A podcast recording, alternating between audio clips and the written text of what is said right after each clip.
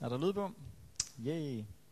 Det er hyggeligt at se jer fra øh, den her vinkel af også, på den her side af talerstolen. Og øh, det er jo bare rart, at selvom jeg ikke er blevet optaget endnu, at jeg så stadigvæk føler mig hjemme her. Så øh, tak for det. Øh, min tale i dag har jeg skrevet lidt med det i baghovedet, at vi jo har det her projekt, som, øh, som Henning også snakkede om. Og øh, talen i dag kommer til at handle lidt om, hvordan at Gud han arbejder, og hvordan at vi kan arbejde sammen med Gud. Og øh, jeg er sikker på, at hvis du kommer her i dag og ikke er med til projektet heller, så øh, har Gud også noget specielt at sige til dig i dag omkring, hvad plan han har for dit liv, og hvordan at du kan arbejde sammen med Gud om den plan. Han har store planer for os, og øh, det skal vi se lidt på i dag. Inden vi starter, har jeg lyst til, at vi skal lige bøje hovedet og bede en bøn, for øh, vi har lyst til, at Gud han skal tale til os individuelt hver især i dag. Kære far i himlen, vi kommer til dig, og vi henvender os til dig, fordi at vi ved, at du har et budskab til hver enkelt af os. Vi beder om, at du med din helligånd må påvirke hver enkelt af os. Med det individuelle budskab, som du har til hver enkelt af os. Jeg beder dig om, at du må jage alle onde engle væk fra den her sal, så vi helt og dels kan være dine, og se, hvad du har at sige til os i dag. Jeg beder dig om, at du må lægge ordene i munden på mig, så jeg må tale det, som du ønsker, der skal siges. I Jesu navn. Amen.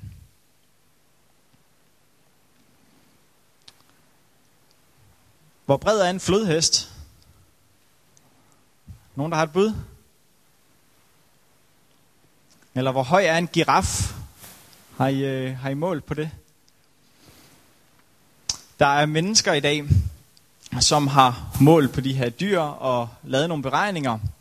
Og så er de kommet frem til, at hvis man tager alle de dyr, der skulle være inde i Noras ark, og så tager man og den størrelse, som der står i Bibelen, at Noras ark var, så kan det simpelthen ikke lade sig gøre. Man kan simpelthen ikke proppe alle de dyr ind i den her ark, sammen med den mad, som der vil være krævet til de her dyr. Der er så også andre, der mener, og har målt på det samme, og mener, at det godt kan lade sig gøre. At det her, det, det er en mulighed. Vi har også historien i Bibelen om Jesus, der går på vandet. Der er nogen, der mener, at det kan ikke lade sig gøre. Det kan ikke menneskeligt lade sig gøre.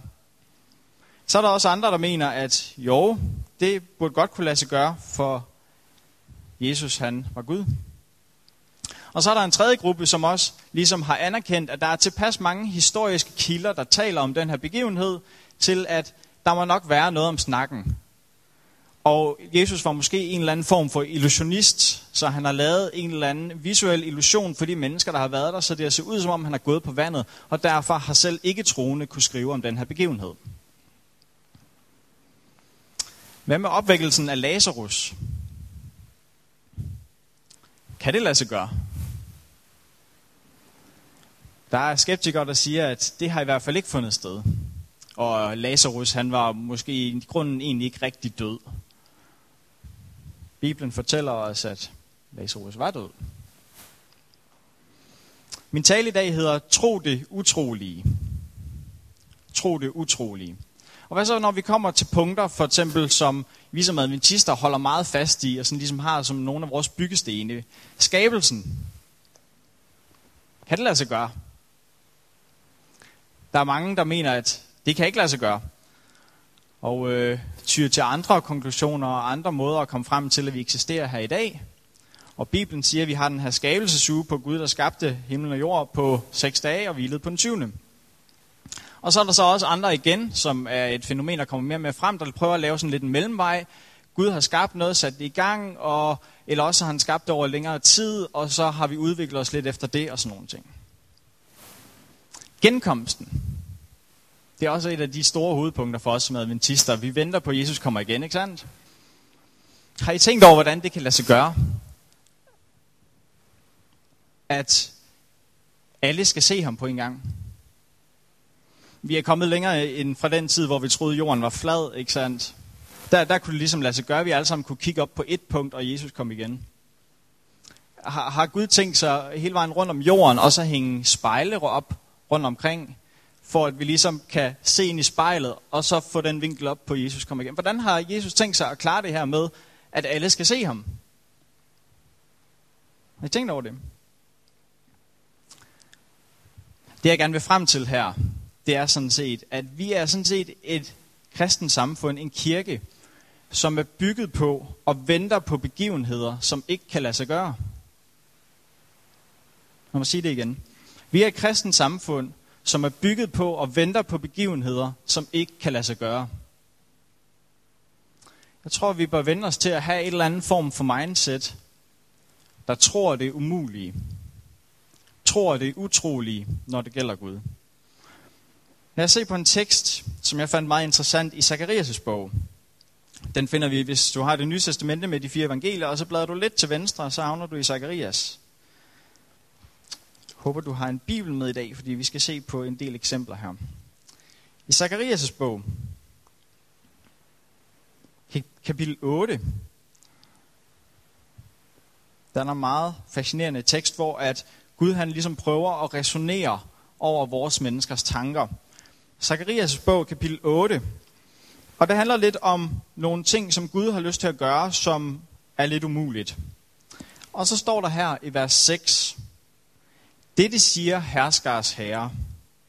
Fordi dette folks rest i de dage finder det umuligt, skulle jeg så også finde det umuligt, siger herskars herre. Kan I se Guds argument her? Han siger, mit folk finder det umuligt at gøre. Skulle jeg så også finde det umuligt? Det er ligesom om Gud han prøver ligesom at sige, jeg har skabt hele universet, jeg er skaberen af alt det her, og mit folk finder det er umuligt. Hvad skal jeg gøre? Det er lidt som om, at han siger, mit folk tror det er umuligt, og det begrænser mig. Skulle Gud finde det umuligt, bare fordi vi finder noget umuligt? Det er en stor tanke. Lad os se på et eksempel i Bibelen med Gideon. Er der nogen, der ved, hvor Gideons historie er henne? I dommerbogen. Vi skal dykke ned i dommerbogen. Du har de fem mosebøger, så har du jo også ved bogen, og så kommer dommerbogen. Dommerbogen, og vi skal dykke ned i kapitel 6. Og vi skal læse fra vers 11 af. Dommerbogen kapitel 6 starter med, at der står i vers 1, Israelitterne gjorde, hvad der var ondt i Herrens øjne, og Herren gav dem i midjanitternes hånd.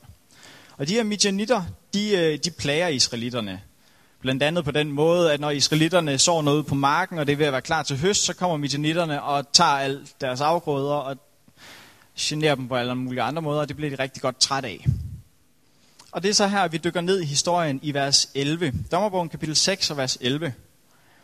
Og der står her, Herrens engel kom og satte sig under en i Ofra, som tilhørte Abisheritten Joas. Hans søn Gideon var ved at tærske hvede i vinpersen for at have den i sikkerhed for midjanitterne. Det var klogt træk her. Herrens engel viste sig for ham og sagde til ham, Herren er med dig, tabre kriger. Gideon sagde til ham, Hør mig, herre, hvis Herren er med os, hvorfor har alt dette så ramt os? Hvor er alle de under, som vores fædre fortalte os om, når de sagde, Herren har ført os op fra Ægypten. Nu har Herren forkastet os og givet os i midjanitternes magt. Der kommer den her engel til Gideon og siger, Herren er med dig, tabre kriger. Var Gideon en kriger? Nej. Han gik og havde gang i den her øh, mark, og, øh, og havde nogle ting i sikkerhed for midjanitterne. Gideon var ikke en kriger, men Gud så ham sådan. Gud så ham som en kriger, fordi Gud havde en plan med Gideon. Og så kommer Gideons argumentation over for den her engel. Han siger, prøv lige at høre her, engel. Hvis du nu er, at Gud han er med os, hvorfor har alle de her skidte ting så sket med os? Hvorfor er vi i den her rådne situation nu? Er det et spørgsmål, du har stillet dig selv indimellem? Hvis Gud han virkelig er med mig, hvorfor er jeg så havnet i den her situation? Gud han kunne klare det sådan her, og så var jeg i en bedre situation. Hvorfor er jeg havnet sådan her? Det er da et færre spørgsmål. Det næste Gideon, han så argumenterer med, det er, hvor er alle de under, som vores fædre fortalte os om, når de sagde, Herren har ført os op fra Ægypten? Gideon, han levede ikke ret lang tid her efter Mosebøgerne, i forhold til os i hvert fald. Og han har hørt beretningerne fra hans forfædre, der fortalte om, at Gud har ført dem ud af Ægypten. Han har ført dem igennem det røde hav, og han har givet de her par millioner af mennesker mad ude i ørkenen i flere år. Og Gideon han spørger, hvis Gud virkelig er med os, hvor er de her mirakler henne i dag? Hvor, hvorfor vader vi ikke rundt i mirakler i dag? Gud må, han må have forladt os. Har du stillet dig selv de spørgsmål? Jeg har. Gideon, han skal lære noget. Og hvis vi læser videre i historien om Gideon, så øh, ender det med, at Gud han får overtalt ham til, at han skal gå i kamp mod midjanitterne. Så Gideon han samler en masse mennesker, og øh, så skal han gå til kamp. Men Gud han siger noget spændende til ham i kapitel 7 og vers 2. Herren sagde til Gideon, du har for mange folk hos dig til, at jeg vil give midjanitterne i deres hånd. Israel vil bare selv tage æren og sige, min egen hånd har skaffet mig sejr. Så Gud han siger, jeg vil gøre noget ekstraordinært. Og jeg vil gøre det så ekstraordinært, så de kan se, at de ikke selv har æren for det her. Så du skal simpelthen skille dig af med nogle af de her mænd. Du har alt for mange mænd til at kæmpe mod midjanitterne. Og det ender med, at Gideon har de her 300 mænd, der skal kæmpe mod en hær, som bliver beskrevet som, at man ikke kan tælle dem, så talrige som, som sandet og sådan nogle ting. Så Gideon skal gå imod den her kæmpe hær med de her 300 mand. Og mit spørgsmål er til dig i dag. Var der en vis risiko i det? Var der en vis risiko i det? Du har 300 mand og skal gå imod en kæmpe her. Okay? Har det, det, det, har, det har krævet noget af Gideon, havde det ikke det? Han skal, han skal virkelig være rimelig sikker på, at Gud han mener det her.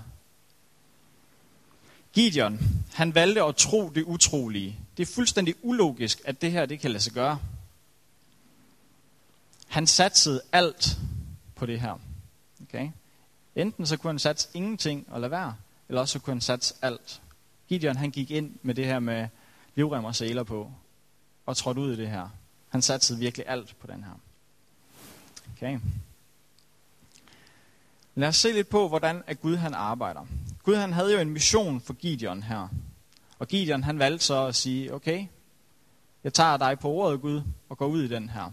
Trods der var en risiko. Trods der var en risiko. Lad os se på en historie, som vi kender til fra 2. Mosebog. Vi var lidt inde på den her til sabberskole. 2. Mosebog kapitel 3. Så har vi den brændende busk og Moses. Gud viser sig for Moses igennem den her brændende busk. Og øh, så har de en lille snak sammen. Jeg vil næsten sige, at de argumenterer lidt mod hinanden og har en lille diskussion. Og øh, jeg kunne godt tænke mig at læse en passage op for jer, hvor jeg lægger lidt tryk på nogle ord. Og så prøver at se, om I fanger det skift, der sker. Hvordan at Gud han argumenterer over for Moses i den her sammenhæng. Det er meget interessant, synes jeg. Fra 2. Mosebog, kapitel 3, og vi læser fra vers 7, så kan I følge med. Der står her. Så sagde Herren, jeg har set mit folks lidelse i Ægypten, og jeg har hørt deres klageskrig over slavefoderne. Jeg har lagt mig deres lidelser på sinde, og derfor er jeg kommet ned for at redde dem fra Ægypterne og føre dem op fra dette land til et godt og vidtstrakt land. Et land, der flyder med mælk og honning. Der, hvor kananæerne, hititterne, amoritterne, pesiritterne, hivititterne og jebusitterne bor. Nu har israelitternes klageskrig nået mig, og jeg har set, hvordan Ægypterne undertrykker dem. Gå nu, jeg vil sende dig til Farao, du skal føre mit folk, israelitterne, ud af Ægypten. Fanget hvordan at Gud han udtrykte det her over for Moses. Han siger, jeg har lagt mig deres ledelse på sinde. Jeg har set deres ledelser. Jeg har hørt deres klageskrig. Og jeg er, som der står her i vers 8, og derfor er jeg kommet ned for at redde dem fra Ægypterne. Og hvad er det næste? Gud han siger til Moses, gå du.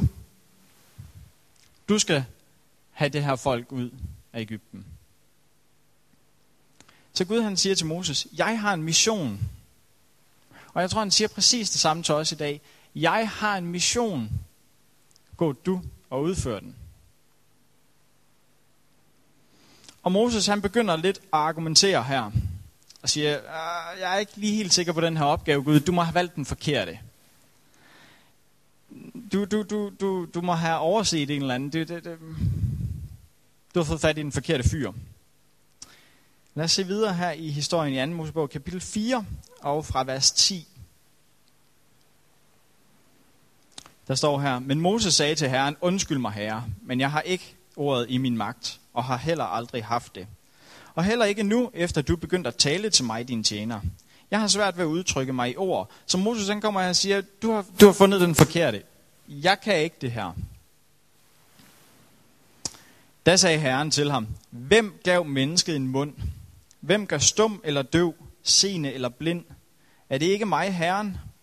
Gå nu, jeg vil være med din mund og fortælle dig, hvad du skal sige. Hvad var det Moses, han begyndte på her?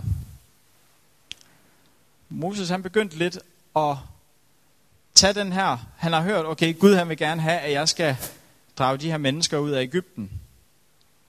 Men Moses, han havde allerede misforstået lidt, at det var Guds mission, at Gud han havde sagt, at jeg vil gøre det her. Moses han begynder at lægge det her på, mig, på sig selv og sige, jeg kan ikke det her. Det er lidt en stor, for stor opgave til mig. Jeg, jeg duer slet ikke til det her. Moses han skulle lige have sat perspektiv på her til sidst. Han skulle lige have det rigtige perspektiv på, hvor Gud igen fortæller ham, Moses, det var mig, der havde den her plan. Det er mig, der skal gøre det her.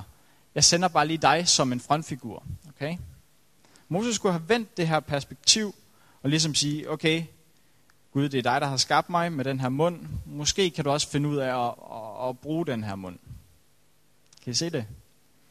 Moses skulle have vendt det her perspektiv for, at det ikke var hans mission. Det var ikke ham, der skulle gøre en hel masse og ikke kunne magte den her mission. Men det var Guds mission, det var Guds opgave. Og Gud han sagde, jeg er selv ansvarlig for den her opgave.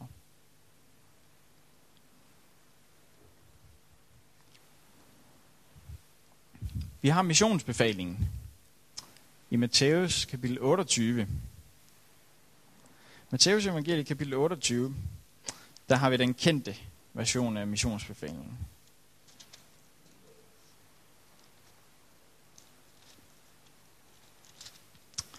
Matthæus kapitel 28, og fra vers 19 af, der står der, Matthæus 28, 19. Der står der, gå derfor hen og gør alle folkeslagene til mine disciple, i det I døber dem i faderens, søndens og helligåndens navn. Og i det I lærer dem at holde alt det, jeg har befalet jer. Det er en ret stor opgave. Og ligesom vi har set med Gideons opgave, at der var en rimelig stor risiko ved det her. Var der så ikke også en risiko i Moses' opgave? Jeg vil sige, der var en stor risiko. Han skulle hen til datidens mægtigste mand og sige, prøv lige at høre, lad alle de her slaver gå. Jeg synes, der var en stor risiko. Og Moses han fik også lidt knops på vejen. Er der også en risiko i den her passage? Vi skal gå hen og gøre alle folkeslagene til mine disciple. Hvis vi tænker over, hvad det egentlig vil kræve, er der ikke en vis portion risiko forbundet i det her? Ja. Okay. Men Jesus, han siger heldigvis noget lige før, som er samme historie som Moses. Jeg skal lige sætte perspektivet på plads først. Hvor der står, Jesus kom hen og talte til dem og sagde, mig er givet al magt i himlen og på jorden. Og derfor gør det her. Så Jesus han starter simpelthen med her lige at sætte perspektivet på plads en gang for alle og sige, jeg har al magt i himlen og på jorden. Derfor gør det her. Og mit spørgsmål er til dig. Der er en risiko ved det her. Men hvis Gud har al magt i himlen og på jorden, er der så egentlig en risiko?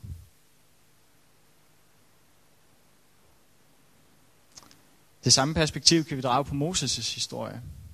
Hvor Moses, han tager den her kæmpe risiko og siger, jeg duer ikke til den her opgave. Jeg kan, jeg kan ikke magte det. Og Gud skal lige ændre perspektivet til, det er min opgave, det er min mission, jeg står med ansvaret for den her. Er, er der så egentlig den risiko? Har det i baghovedet. At Gud har al magt, er det ikke lige med ingen risiko? Eller hvad? Vi skal se på Kain og Abel. Det er en fantastisk historie man kan bruge til rigtig, rigtig mange forskellige illustrationer. Kain og Abel, den finder vi i 1. Mosebog, kapitel 4, ikke sandt? Der har vi historien om Kain og Abel. Og øh, der står her til at starte med, Adam lå med sin kone Eva, og på den tid betød det børn. Og øh, her kommer Kain og Abel så på banen. Og så står der her fra vers 3. En gang bragte Kain en offergave af jordens afgrøde til Herren. Også Abel bragte en gave, fedtstykkerne af sit småkvægs førstefødte. Herren tog imod Abels offergave, men Kains offergave tog han ikke imod. Jeg kunne godt tænke mig at grave lidt dybere i den her historie, og få en detalje med, som vi ikke har med i den danske oversættelse. Jeg udfordrer dig til at gå hjem selv og, og finde den i den originale. Nogle gange så kan det være svært at oversætte en tekst med alle de detaljer, der egentlig ligger i den. Og de har ikke fået lige præcis den her detalje med i den danske, men jeg blev overrasket, dengang jeg så det i originalen. Det, der egentlig står her, det er, at Abel, eller Kain, han bragte en offergave. På engelsk, så står der, at the end of days. Altså til sidst, i slutningen. Til sidst bragte Kain den her offergave. Og så står der bagefter, at Abel bragte en offergave, fedtstykkerne af sit småkvægs førstefødte. Jeg kan godt have, at du tænker over, hvad, hvad er forskellen på det her? Er der en vis risiko i Abels måde at ofre på? Han gav sit første føde. Og man vidste på den tid, jeg har ladt mig fortælle det, jeg har ikke så meget forstand på for og kvæg og alt det her. Men hvis man skulle have det bedste af det bedste, så skulle man tage sit første fødte. Det var det bedste af det bedste til at sikre den bedste slægt videre hen. Det er også, når du har dit første fødte, er du ikke helt sikker på, hvad for noget du får senere hen. Men Abel, han vælger altså at tage det bedste af det bedste og risikere lidt. Og sige, Gud, jeg giver dig det bedste til at starte med, og så må jeg lade konsekvensen være op til dig. Abel tog sit første fødte, gav det bedste til Gud, og lod konsekvensen være op til Gud. Så må, så må det være op til dig, Gud, hvad der skal ske med min slægt videre, at du må føre den videre, og det må være sundere og raske for, jeg får. Hvad gjorde Kain? Han bragte sit offer til sidst. Hvad kan det betyde? Ser du? Han var æredyrker. Så han har taget alle de ting, hele hans store høst, som han har fået fra marken, og den har han skyndt sig at få ind i sin lade. Han har samlet sammen til sig selv, så han var sikker på, at han havde det, han skulle bruge. Og ud af sit forråd valgte han så at ofre en lille del til Gud. Kan I se, der er en rimelig stor forskel i motivationen bag at ofre. Om du vælger at sige, Gud, jeg giver dig det bedste, jeg giver dig det første, og lader risikoen være op til dig, eller du tænker, jeg skraver så meget sammen til mig selv som muligt først, og så kan jeg give Gud lidt af det bagefter. Der er en stor forskel på i den tankegang, som der bliver beskrevet her. Så vi lærer i hvert fald to ting om den her historie. Den første er, som vi har hørt nogle gange måske, at gør tingene på Guds måde. Gud han havde bedt om, at de offrede på en helt speciel måde, og det har de været klar over. Og det var galt. Men den anden ting er også, at ofte, som vi har set på nogle eksempler på nu, ofte så er der en risiko ved at vise, hvem vi virkelig tror på. Om vi virkelig mener det her.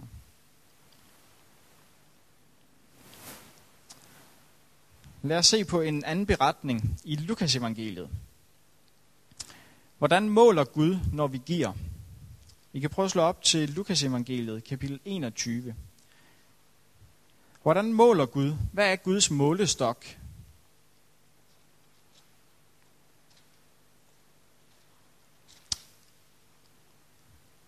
Hvad er Guds målestok? Der står her i kapitel 21 i Lukas, der står her. Og han så op og fik øje på de rige, som lagde deres gaver i tempelblokken. Det er Jesus. Han så også en fattig enke ligge to småmønter i den, og han sagde, Sandelig siger jeg, denne fattige enke har givet mere end alle de andre. For de har alle lagt i af deres overflod, men hun har givet af sin fattigdom alt det, hun havde. Kan I se, der er lidt af den samme tankegang, som vi fandt i Kain og Abel. Der er nogen her, som giver af deres overflod. Og de giver meget mere end den her fattige kvinde. Men hvad er det, Jesus han måler på her? Han måler ikke på mængden af det, der bliver givet. Men han måler på offervilligheden til at give. Hvad, de, hvad hun er villig til at risikere. Er der ikke en vis risiko for hende og kvinden? Så hun ved måske ikke, om hun får brød på bordet i morgen, fordi hun giver alt, hvad hun ejer. Der var en, en vis risiko, og alligevel så siger Jesus, at det, her, det er jo prisværdigt. Så vi kan jo spørge i forhold til den her målestok, hvor meget skulle de rige give, for de havde givet lige så meget som de her to mønter. De skulle jo også have givet al deres rigdom. Det er, en, det er en meget atypisk måde, Gud han måler på i forhold til vores målestok. Og jeg tror ikke kun det her, det gælder penge, som det er i den her situation. Jeg tror, det gælder, hvordan vi prioriterer vores energi, hvordan vi prioriterer vores tid og vores kræfter, hvad vi ligger det i. At Gud han måler på den her måde. Og der kan ofte være en risiko. Der kan ofte være en risiko. Hvordan er vi prioriterer. Jeg vil spørge dig, hvordan, hvordan har du tænkt dig at spise i himlen? Du har tænkt dig at spise i himlen, ikke sandt? Hvordan har du tænkt dig at spise? Skal du have en, vil du tage en stor madpakke med, og nogle dåser baked beans med i baglommen? Eller hvad? Du har tænkt dig at spise den mad, som Gud vil give dig i en evighed, ikke sandt? Så hvis vi har tænkt os at regne med Gud igennem en hel evighed, at han vil sørge for os, tror jeg så, at vi kan starte nu også. Det kunne vi måske prøve at overlade alt til Gud, risikere alt og lade ham stå tilbage med konsekvensen. Og sige, Gud, jeg er villig til at tage det her skridt. Vi går heller ikke og sådan ligesom sådan trækker og hiver efter vejret, så vi kan få lidt ekstra luft nu, i tilfælde af, at der ikke er noget i morgen. Vi stoler på, at hver eneste øjeblik er der den mængde ild, som vi har brug for. Jeg tror, vi skal stole på og tage den risiko, som der er. Hvis vi ser på Jesus, Jesu eksempel, han gjorde de her ting. Han risikerede alt. Han vidste, at Gud havde en plan.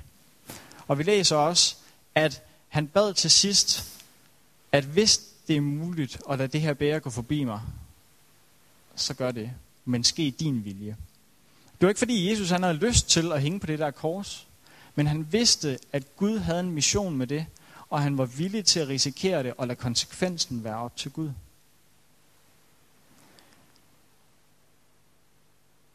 Og mit spørgsmål er lidt i dag, hvad er risikoen? Hvis du, hvis, du, hvis du tager dit liv i betragtning, hvor vi står alle sammen på forskellige steder, vi her i menigheden står som et fælles projekt omkring det her i København. Og der er mange typer af risiko. Vi prioriterer meget tid, der bliver prioriteret mange penge, og hvordan vi ligger i det. Der er store risikoer. Eller det kan også være i dit personlige liv, hvor der er, du tænker, jeg ved, jeg tør ikke helt at stå frem som en kristen og tro på Gud, fordi jeg er bange for, hvad mine venner vil sige. Eller jeg er bange for, hvordan min omgangskreds vil reagere. Der er mange der er mange niveauer af, hvor du står hen i dit liv. Det er individuelt. Men jeg tror, at du kan tage de her principper og bruge det på dit liv, lige meget hvor du er. Om du er villig til at tage en risiko og lade Gud stå med konsekvensen, hvis det er det bare en del af Guds plan. Den bedste leder, har jeg lært igennem min tilværelse indtil videre, er ikke den, der siger, gå og gør sådan og sådan, men den, der siger, se, jeg har gjort sådan, følg mig. Og det var det, Jesus han bad os om. Jesus var villig til at tage den her risiko. Og jeg tror, at det vi skal tage i betragtning, det er, at lige meget hvor vi er henne i vores liv, i vores kristne vandring, uanset om det er over for dine venner, eller det er et større projekt, eller om det er med penge, eller hvad det er, så vil der næsten altid være en risiko ved at følge Gud. Menneskeligt set. Men spørgsmålet er, hvis, Gud, hvis det er Guds mission, du træder ind i, og han siger, at jeg tager konsekvensen for den her mission, er der så egentlig en risiko? Hvad ligger risikoen i? Risikoen ligger i det her liv, ikke sandt? Gud siger, jeg tager den overordnede ansvar. Men risikoen ligger i, om du måske vil se lidt dum ud i forhold til dine venner.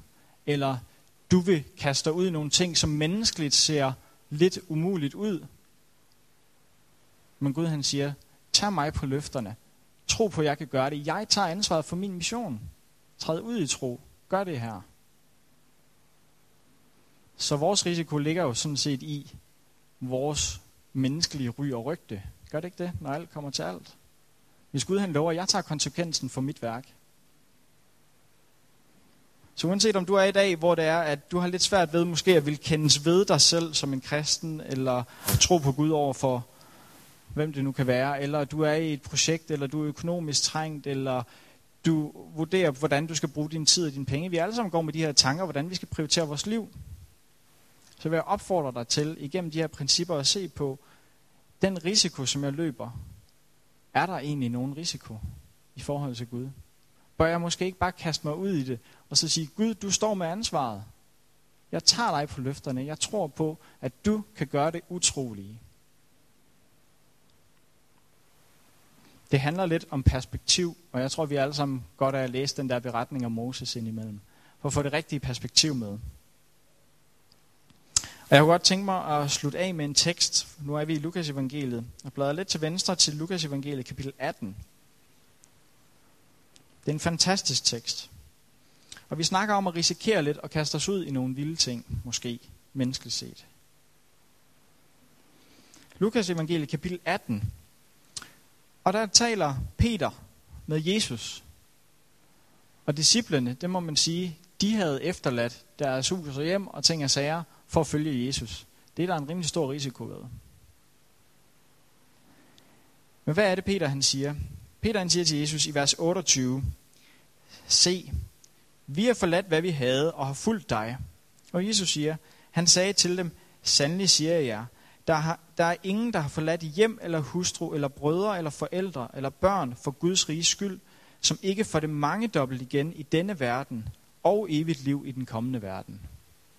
Så Jesus han siger, ved at risikere det her, ved at tage mig på løfterne, ved at gøre det her, så giver jeg et meget bedre liv i denne verden. Det er en skrøne, at kristen liv ikke er fedt.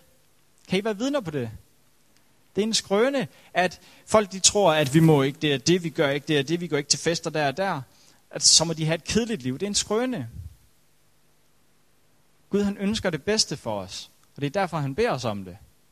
Gud han vil ikke bede os om at træde ud i hans mission, hvis det kun for at, at pille os ned og pille tingene fra os, nu skal I godt nok have et kedeligt liv, og I skal risikere det hele.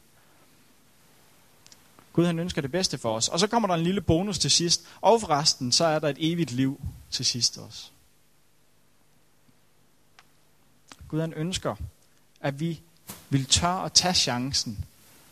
Og menneskeligt set risikere lidt. Risikere måske at være lidt dumme over for vores venner i det, eller i den omgangskreds, vi er sammen med. Menneskeligt set. Tag den risiko og sige, Gud, du står med konsekvensen. Jeg har gjort, hvad du har bedt mig om. Gud han lover os det bedste og det fedeste liv. Og indtil videre i mit kristne liv, må jeg bare sige, ja, det virker. Det var på den tid, hvor at det betød rigtig meget, hvad man fik ind på marken. Det var den tid, hvor det var, man levede af det, man fik der. Gik ud og såede sin mark, passede den, høstede og levede af det. Og øh, den her landsby var kommet lidt i krise, for der, de havde ikke regnet i rigtig, rigtig lang tid. Og de var begyndt at blive nervøse for deres levebrød. Og de tænkte, hvad kan vi gøre? Den her landsby besluttede sig for at samles. De besluttede sig for at samles på et bestemt givet tidspunkt og bede til Gud om regn. Og da tidspunktet kom, mødtes de alle sammen på det her aftalte sted og bad til Gud om regn. Det store ved det her billede var ikke, da man så jubelglæden over de mænd, de hårdt arbejdende bønder, der fik regn i ansigtet, da den kom. Det største var heller ikke at se konerne græde over, at de nu igen havde en chance for at få levebrød på bordet. Men det største billede var den lille pige, der havde valgt at tage en paraply med. Jeg synes, den, det billede siger ufattelig meget. At nogle gange så skal vi forvente mere, end jeg tror, vi gør. Nogle gange så kaster vi os ud i nogle ting, eller beder om nogle ting, og så forventer vi ikke helt, det sker. Gud er virkelig. Vi skal forvente, at det sker. Og vi burde måske ligesom den her lille pige tage paraplyen med, før det er sket. For at vise, at vi tror på, at det her det er muligt. Tro det utrolige. Det er det, jeg vil frem til i dag. Uanset om det gælder teologiske ting, eller om det gælder personlige ting i dit liv. Tro det utrolige. Gud han har store planer for dig, og store planer for mig. Men nogle gange så tror jeg, at Gud han stiller spørgsmålet, fordi at I finder det umuligt, skulle jeg så finde det umuligt? Tro det utrolige, og tør, og jeg vil opfordre os alle sammen, inklusive mig selv, jeg taler lige så meget til mig selv, til at Tag den menneskelige risiko, og tage ud på løfterne, og gå ud og gøre et stort stykke arbejde for ham. Og det kan godt være, at vi alle sammen har gjort fejl på vejen. Vi alle sammen ikke har stolet på Gud i visse tilfælde af vores liv. Men du er en søn af Gud, eller en datter af Gud. Og uanset om du kan fejle eller ej, så er du stadig en søn eller en datter af Gud. Og Gud han ønsker at rejse dig op igen og sige, lad os nu komme videre herfra. Lad os nu komme videre. Så min opfordring er bare, tro det utrolige. Skal vi bede sammen. Kære far i himlen, tak fordi du har store planer for os. Tak fordi at du har planer for at redde os herfra. Tak fordi du er villig til det helt fra starten. Og far, nogle gange så tænker vi på alle de mennesker, som ikke har hørt om det her budskab. Som du også døde for, som du også elsker, og som du også ønsker hjemme i himlen. Hjælp os til at kan tage del i den plan. Hjælp os til at finde vores plads i din plan. Og hjælp os til at virkelig gå i med rem og sæler i din plan og sige, jeg vil følge dig og lade dig tage konsekvensen. Du har lovet alle dine løfter, at du vil være med os. Giv os kraft og styrke og mod til at gøre det. Det beder vi i Jesu navn. Amen.